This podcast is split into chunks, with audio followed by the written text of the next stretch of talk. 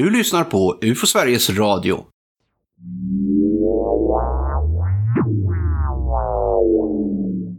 Idag ska vi ta en titt uppåt och fokusera på det som ibland faller ner från skyarna. Inte i form av nederbörd, utan av anomalier och allsköns konstigheter. Kommer verkligen allt gott från himlen? Det finns rapporter om speciellt maskar och, och grodor och, och, och sådana här småkryp. va. I Piteå till exempel har det en gång i tiden regnat ålar. Och jag kommer att tänka på det, det kan du ju ta med om du vill. Det är, det är inte första gången det har fallit något i Norrköping. Om det här har fallit, det är tveksamt. Men det har fallit tidigare saker där va. Eh, och det var väl, eh, ja, då kanske jag var 40-talet. Jag kommer inte ihåg exakt år här. Så följde maskar va, från himlen. Och det var miljontals maskar. Det var inne, inne i centrum av stan. De, kunde liksom eh, skyffla det där i hinkar, alltså spara vad var de tvungna att göra. Stod det i tidningen då. Och sen så var det bara, ja det var bara två år sedan som man eh, i kontrolltornet på Norrköpings flygplats fick se de vita saker som kom singlande upp från skyn. Man stod och tittade på det där i kikaren. Och så när det kom närmare så såg de att det var några sådana vita pappersark. Massvis var det. Så fick de tag i sånt där flygplatsledning och då fick de se att det var en räkning, en fem år gammal räkning från en firma. Och det visade sig att ett, för, eller företaget. företag, det företaget hade gått i konkurs för fem år sedan. Och så vitt man visste där så hade man bränt alla räkningar och liknande och på soptippen va. Och nu kom det nedsignande från skyn fem år senare och det var inte ett väck på dem. Va? Snacka om mystiskt. Inga flygplan, ingenting. Jävligt konstigt. Så nog, nog faller det mystiska saker från skyn alltså.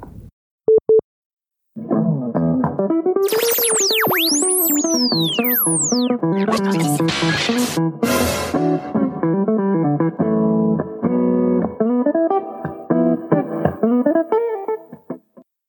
ska vara varmt välkomna till UF Sveriges Radio. Jag heter Tobias Lindgren och vid min sida idag sitter Anders Berglund. Välkommen! Tack så mycket. Ja, Anders, vad var det vi hörde här i introduktionen? Så här lät det i en intervju som UFO Sveriges fältundersökare Mats Nilsson gjorde på slutet av 70-talet. Ja, det var ju väldigt konstigt att det kommer ner räkningar från himlen. Men det finns ännu mer märkligare saker som har fallit ner från skyarna, eller hur? Det gör det. Det första exemplet kommer från Madras Mail, en tidning i Indien från den 5 mars 1888, väldigt länge sedan alltså. Och då var det så att det regnade tegelstenar. Andra exempel på det hela kan vara när det regnar pengar. Pennies from heaven. Just pennies och kolbitar i stora stycken tillsammans med soda föll ner på marken under det välbekanta tumultet vid Batterisa i London i slutet på 1920-talet. Välbekant kanske ska sägas för er som är inlästa på händelser om poltergeist. En av de mest förödande poltergeisthändelserna genom tiderna måste ha varit när ett hus fullkomligt raserades nära Sorbonne, Paris, av ett ihållande bombardemang av byggnadsmaterial. Förödelsen fortsatte varje natt under tre veckor, dokumenterade franska polisens officiella tidskrift Gazette de Tribunaux från 1849. Den innehåller också en hänvisning till en liknande händelse i Paris när ett regn av småmynt varje kväll vid Rue de Montesquieu samlade stadens dagdrivare. En annan händelse där det regnade pennies och half pennies var runt en skara barn på väg hem från skolan i Hanham i Bristol enligt tidningen London People i september 1956. I Machedera, Ryssland, föll silvermynt över hela distriktet under en storm enligt Daily Express i London 1940.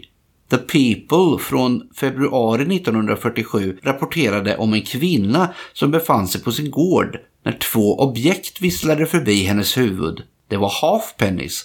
Kanske så mycket som 50 stycken föll ner i skurar och det hela varade i mer än 15 minuter. Och det här hände vid Ramsgate i Kent, enligt Daily Mirror från december 1968. Man kunde inte se dem falla. Allt man märkte var ljudet när de studsade mot asfalten. Lustigt nog var alla de här mynten böjda. The Bath Chronicle från januari 1976 skriver om två präster från Limburg i Västtyskland. De hade hittat 2000 mark i sedlar som dalade ner från en öppen himmel. Men detta låter sig inte jämföras med den gång när tusentals frangsedlar regnade ner i Bourges, Frankrike. Trots efterforskningar var det enligt Sunday Express april 1957 ingen som hade rapporterat någon förlust av pengar. Det finns naturligtvis mycket fler exempel på saker som faller från himlen och just det här jag har tagit upp nu kanske inte är representativt då de alla är mänskligt tillverkade objekt. Det som gör dem märkliga i det här sammanhanget är väl att de kommer från skyn. Dessa objekt brukar vi inte hitta där uppe. Du har ju grävt ner dig i några specifika fall av det här med nedfallande föremål från ovan. Alltså många av de här händelserna kopplas ju inte direkt till ufo-observationer eller till ufo-fenomen.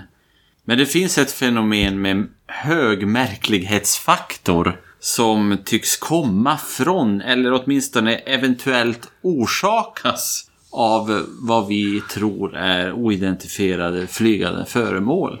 Och det är ett fenomen som i ufo-litteraturen brukar benämnas som änglahår. Vad är då änglahår då? Ja, det är en slags eh, klibbigt, eh, trådaktigt eller fibrigt ämne som eh, genom historien har rapporterats i samband med ufo-observationer då och då. Och letar man så hittar man en hel del av de här intressanta eh, observationerna av änglahår. Det är inte änglahåret i sig man hittar utan det är rapporterna. Ja, precis. För att det är ännu mer märkliga med det här att de här, den här substansen tycks försvinna väldigt fort. Det är väldigt svårt att få tag på det. Tar man det så tycks det lösas upp i tomma intet. Det här änglahåret då, eller de här trådarna, har i brist på en mer bestämd definition ofta liknas vid spindelnät, eh, men även som en slags geléaktig fibermassa.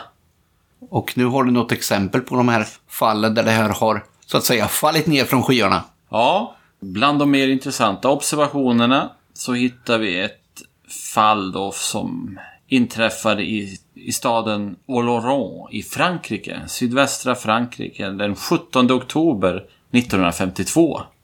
Det var tidig eftermiddag, klarblå himmel, då många invånare här då i Oloron fick syn på någonting som kom från norr. Det såg ut som ett, ja först såg det ut som ett moln, ett bomullstussformat moln.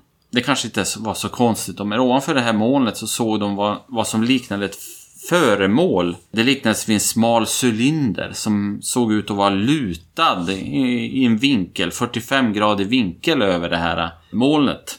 Och den här cylindern rörde sig sakta över himlen mot sydväst, spanska gränsen. Och Laurent ligger inte så långt därifrån. Kursen var rak, objektet var vitaktigt och det såg inte ut att glänsa eller lysa utan det kom där. Det var många i Oloron som såg det här som berättade i media sen efteråt. Bland annat familjen Prichon. Fadern i den familjen hette Jean-Yves. Och han uppskattade att föremålet, det vitaktiga objektet, det befann sig två eller tre kilometer upp i luften. Det måste ha varit jättestort alltså. Ja, det kan man väl säga att det var. Det, det syntes ju i alla fall. Så långt upp, det är väl flygplanshöjd va? Relativt låg flygplanshöjd, men ja. om man tänker på de som drar de vita strecken, för de är ju högre upp. Men det var mycket annat de såg där uppe också. På ett litet avstånd framför den här cylindern som kom så sågs även ett 30-tal andra objekt som följde samma kurs som den här cylindern och det här molnet. De här andra objekten, det såg ut som små mindre bollar. Det var folk som beskrev det som små rökpuffar. Och när man tittade med kikar mot de här bollarna, då kunde man urskilja saker, detaljer. Det beskrevs att i mitten då fanns det en röd sfär eller en röd glob som omgavs av en gul ring som löpte omkring sfären. Och när man såg då på de här objekten genom kikare så såg det nästan ut som att det var ett slags tefat. De här, den här ringen gjorde att det här föremålet blev tefatsformad. Och de här föremålen, och det gick ju inte att se vad det var, liknar ingenting som man kände igen. Men det här skedde mitt på dagen, alltså i dagsljus? Jajamän. Men det här molnet då, som skulle kunna vara det här änglahåret, följde ner? De här mindre föremålen, de rörde sig över himlen i par så att säga. De rörde sig snabbt två och två efter varandra i en ryckig snabba, korta zigzagformer över himlen. Men det var ändå framför cylindern hela tiden. Ja. Från det här molnet då så föll det ner någonting då som beskrevs och som liknar det som beskrivs som änglahår. Det var alltså inte molnet i sig som föll ner utan det kom ut någonting. Ja. Jaha, och det kom ända ner till marken. Ja. Och det kunde man se under tiden det hände alltså. Jajamän. Och då kunde de gå fram till det här och, och eller kom de så långt? Just det som föll över Oloron, det, det såg inte ut som vita långa hårstrån som det brukar beskrivas. Utan det var mer som att man beskrev det som stora flingor. Med det här gelatinliknande massan. Så det var, det var verkligen skilt från snö. Ja, För det brukar ju annars komma i flingor. precis.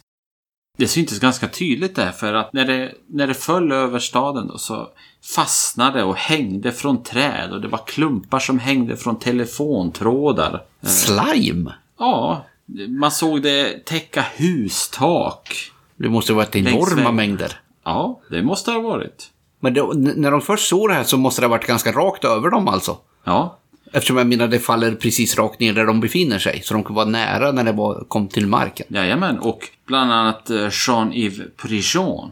Han tog upp det här eh, med sina egna händer. Var snabbt framme och kände på det. På det här materialet. Och han rullade ihop det till små bollar. Då märkte han direkt att det här eh, materialet försvann. Alltså det, för, det löstes upp i handen. Och det, Det var- blir, det blir inte som snöbollar som smälter. Nej, utan det var väldigt eh, poröst. När man väl Flyktigt på något sätt. Ja, och det försvann ganska fort då. Och det gjorde ju att det var, det var inte någon som lyckades Spara, på något spara för att presentera det och visa upp det sen. Eller göra någon undersökning på det. Så det försvann ju ganska fort det här. Trots de enorma mängderna som var överallt på hus och träd och Ja, omgivningen. Så det blev alltså inget efterspel av det här. Utan det här försvann bort. Vad hände med föremålen då? Försvann de också bort? ja man får anta att de försvinner för att de här föremålen rörde sig hela tiden sydväst och de fortsatte så att säga. Och man satte det här äh, som föll ner från himlen, de här vita flingorna, eller vad det nu är. Det satte man ju i samband med att man såg de här äh, föremålen på himlen. Men för att göra märklighetsfaktorn i det här fallet ännu högre. Efteråt så var det i pressen en annan man då från Oleron som de Balestra. Han var tandläkare i Oleron. Han intervjuades och han kunde då berätta att han såg det här änglahåret falla över staden. Han befann sig uppe på en bro. Och, och från den här bron och det här äh, substansen följer över bron. Och han kunde berätta att han fastnade i det här materialet. Det föll över honom och gjorde så att han fick svårt att komma loss. På något sätt fastnade han i det här. Att han kunde inte komma loss förrän han fick lov att klippa ur sig ur det här materialet. Lite som lim eller något liknande. Ja. Men han, han berättade vidare att när han väl hade tagit sig ur det här som fastnade kring honom. Då såg han hur trådarna sattes fast, satte sig fast tillbaka igen. Ja, de blev hela på något sätt. trådarna blev hela igen. Och det här nätet, eller vad det nu var då, började stiga mot skyn igen. Så det var på det viset det försvann. Det, det vet man inte, men... Så Nej, men i hans fall så, han berättar att det steg mot skyn. Ja, I det andra fallet så mera bara evaporerade på något sätt. ja det, det är vad det står i alla fall. Mycket märkligt. Och det är så den här historien slutar. Ja, just den här historien slutar så. Man kom inte på vad det var. Nej, det är svårt om man inte lyckas fånga något material som man kan göra någon test på. Så det var ju synd. Men det är ju intressant. Och det är ju inte det enda fallet.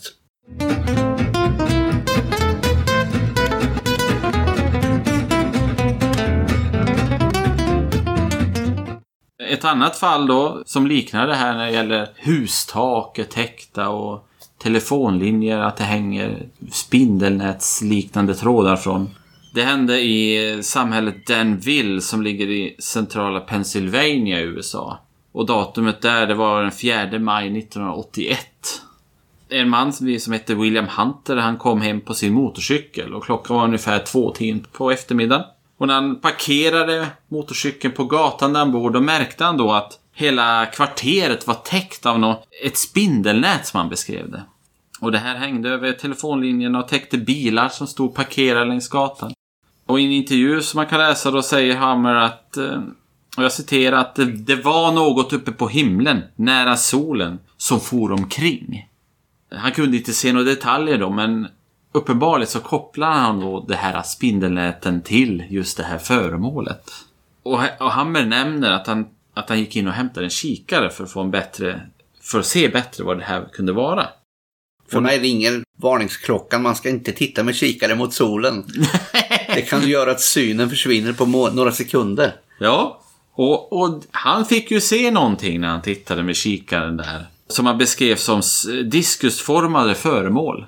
Flera? Ja, som rörde sig fram och tillbaka över himlen. Hela tiden. Och han kunde se att det var från dessa föremål som det här kom, det här materialet. Som regnade ner över stan. Då kan man ju vara ganska övertygad om att det inte var ordinarie nedbörd.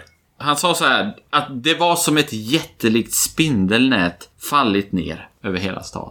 Så allt det här hängde ihop alltså? Ja, enligt han. Han beskriver vidare då, det var ju lite svårt att se det här då. Som du säger, alltså det var ju nära solen och sådär. Så han, han beskriver då för att han skulle få en bättre bild av vad det var. Så han bytte position. Han gick iväg tills han hade solen i ryggen istället. Och då tittade han tillbaka på det här föremålet. Och då fick han se ännu bättre. Diskusformade föremål, runda. Han beskrev dem som metalliska. Och han beskrev även att de hade en kupol på ovansidan då. De här föremålen då hade då förflyttat sig på himlen? Ja, hela tiden fram och tillbaka. Över stan. Jag tänker att det blir ganska stor vinkel, vinkelavstånd om man har rygg, solen i ögonen ena stunden och solen i ryggen nästa stund. Men då var de här föremålen inte speciellt långt bort om man såg detaljer och så vidare. Man får ingen klar inblick i hur, hur de uppfattade hur långt bort de var. Men Hammer var inte den enda i Danville som såg det här. Utan det var många som observerade de här föremålen. Oberoende av varandra? Jajamän. I minst en halvtimme. Och under hela tiden då så beskrev man att det föll spindelliknande nät där från himlen. Fångar man upp något av spindelnäten? Det nämner tyvärr inte i storyn. Men man nämner att man försökte i alla fall fånga upp det eller skopa upp det. Det hände samma sak här. Det försvann, löstes upp i tomma intet. Ja, när man, när man fick det i handen då. Väldigt poröst, försvann väldigt fort. Då kan man ju undra varför det låg kvar på marken och på telefon. Det här var ju på den tiden telefoni fortfarande gick i ledningar. Till skillnad från idag så blir det ju svårt för en, en sån här substans att fastna på någon ledning som inte finns.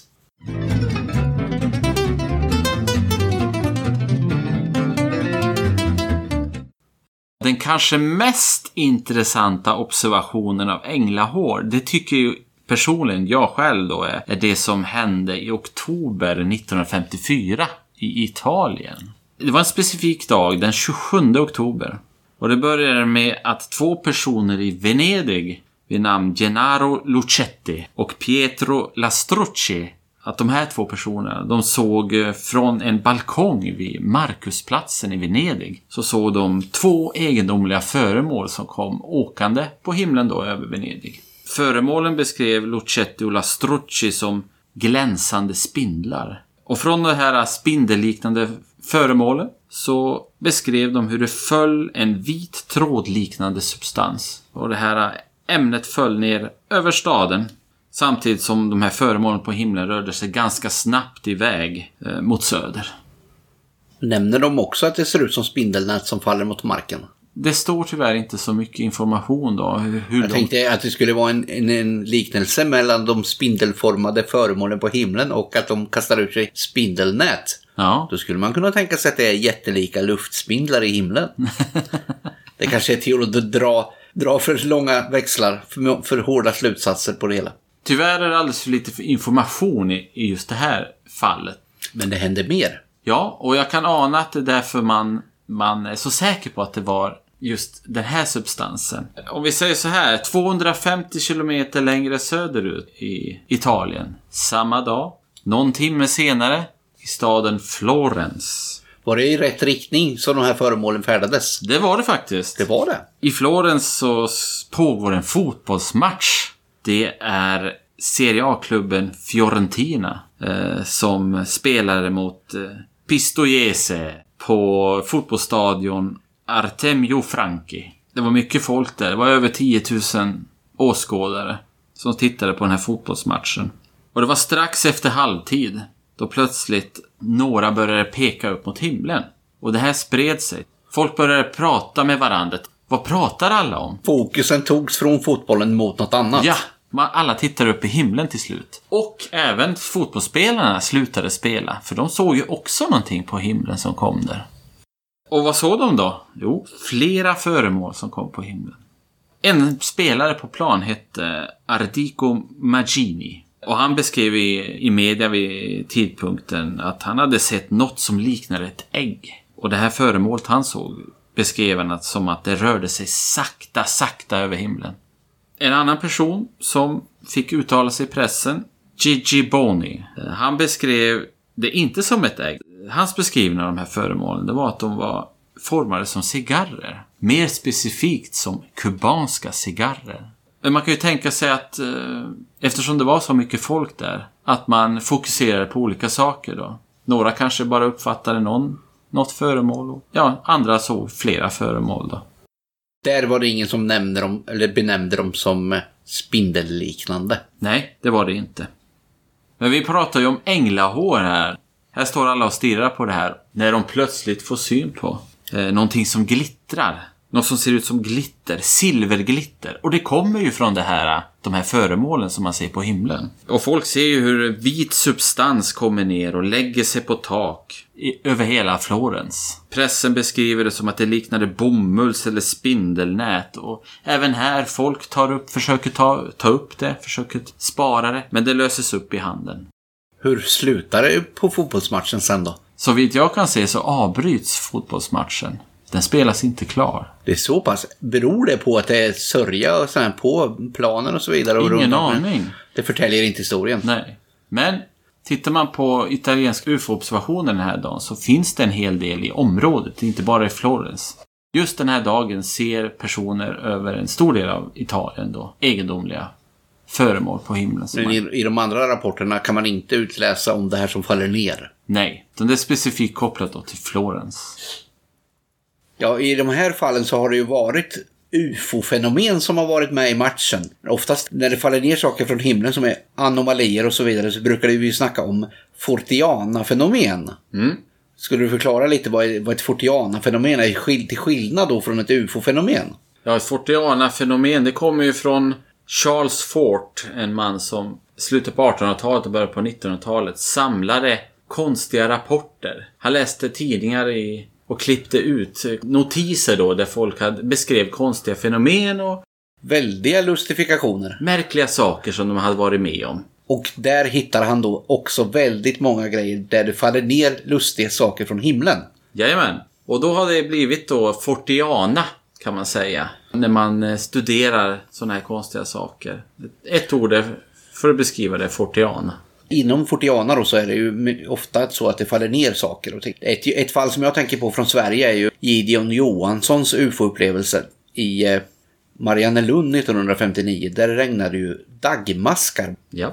Den historien är ju ett, ett helt eget avsnitt i UFO Sveriges Radio framöver. Men det, ju- finns ju många exempel. Många har vi säkert hört talas om fiskregn och grodregn och så vidare och så vidare. Och inte bara änglahår som vi pratar om här. Har vi några vetenskapliga förklaringsmodeller till just änglahår? Ja, det finns flera förklaringar till änglahår. Alltså vad det kan vara. Eller vi vet ju till exempel att vissa typer av spindlar, specifikt täckvävarspindlar eller vad man också kallar mattvävarspindlar, att de migrerar genom luften. Det är i stort antal förflyttar sig genom att sitta fast på spindelnät då, som sveps iväg med vinden. Men skulle du kunna förklara den oändliga mängden av det här materialet? Det blir så fantastiskt mycket material som vi har hört i de här fallen. Precis. eh, Skulle spindlarna kunna producera den mängden? Är de så många? Ja, det... För en, en spindel i sig är ju inte speciellt stor. Just de här spindlarna, de är väldigt små och mycket talrika. Det skulle kunna tala för att, att det skulle kunna vara det i några enskilda fall. Ja, just det. I enskilda fall då. Det stämmer överens ganska bra. Men just de här fallen när ja, folk ser föremål på himlen så blir det ju svårt att tillskriva just det här till spindlar, tänker jag. Det låter ju verkligen annorlunda. Särskilt om man kan förstå att det är något typ av samband. Ja, Tidssamband eller lokalsamband på något sätt. ja. Eh, det finns faktiskt tillfällen då man lyckas fånga lite av den här misstänkta änglahårssubstansen. Bland annat så var det en, i den portugisiska staden Evora i november 1959 då lyckades man samla in lite av det här materialet som föll över stan. Änglahårsliknande substans. Och där blev den faktiskt testat av tekniker och forskare vid ett universitet i Lissabon. Och där drog man slutsatsen att var producerat av en liten insekt faktiskt. Men man lyckas inte identifiera riktigt vad det var för insekt istället. Det låter ju långsökt. Hur kan man veta att det är en insekt när man inte kan identifiera den? Ja, ja man misstänkte att det var en insekt i alla fall. Nästan för bra för att vara sant. Ja, men i så fall var det av en okänd art. Det är ju som att förklara ett okänt fenomen med ett okänt fenomen. Precis. Det tycker vi väl kanske mindre om. Vid ett annat tillfälle då man lyckades ta ett prov, det var i, även det i Portugal i oktober 1957. Och det provet analyserades vid den här analysen så tittar man på den här substansen i ett mikroskop. Och då visade det sig att det var en vegetabilisk produkt av något slag. En växt av något slag? Ja, kanske. Poängen är att det finns inte så mycket analyser på just den här substansen. Att man kan säga vad det är. Det är ju ett, fortfarande ett stort, ja, ett mysterium. En fråga som infinner sig då, har det här också hänt i modern tid? Jag tänker mig att de här berättelserna vi har hört nu är ju ganska till åren komna. Oh ja. Det sker konstiga nerfall på många olika platser även i modern tid. Än idag.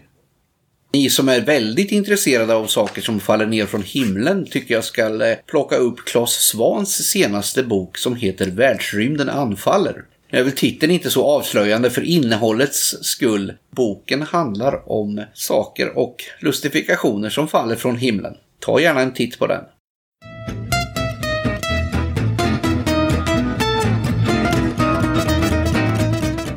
Men Anders, du och jag jobbar ju hårt med en annan sak som snart kommer upp här och vi kallar det för UFO-expo med riksstämma. Riksstämman är väl egentligen vårt årsmöte som vi ska hålla den 28 eh, maj. Men expo och utställning och så vidare är ju hela den helgen. Det arbetar vi hårt med och det kommer vi att göra en, ett helt avsnitt om i UFO Sveriges Radio framöver. Men en sak som vi vill pusha för lite extra är den så kallade jubileumsmiddagen. Jajamän. UFO Sverige fyller ju faktiskt 50 år. Trots att det egentligen i själva verket var två år sedan, men det råkade ju komma en mycket tråkig pandemi emellan så att nu kommer 50-årskalaset snart igång. Ja, äntligen får vi fira vår organisation här. Vad vill du säga om jubileumsmiddagen? Ja, jubileumsmiddagen eh, sker på kvällen, lördagen den 28 maj. Och den hålls på Louis De Geer i Norrköping. Det är väldigt nära den utställningslokal som vi har för själva UFO-expot. Och då vill vi pusha för att så många som möjligt väljer att även träffa oss på den här middagen. Ja, kom och var med och fira UFO Sverige, säger jag. Och det arbete som vi har gjort då under 50 plus två år. Och det går att eh, boka sin plats via UFO Sveriges webbplats ufo.se. Så det tycker jag ni ska göra. Och så ser vi fram emot att ni kommer till jubileumsmiddagen också. Och viktigt är att ni gör det här, alltså ni bokar eran plats innan den 30 april. Så det ser vi fram emot. Varmt välkomna!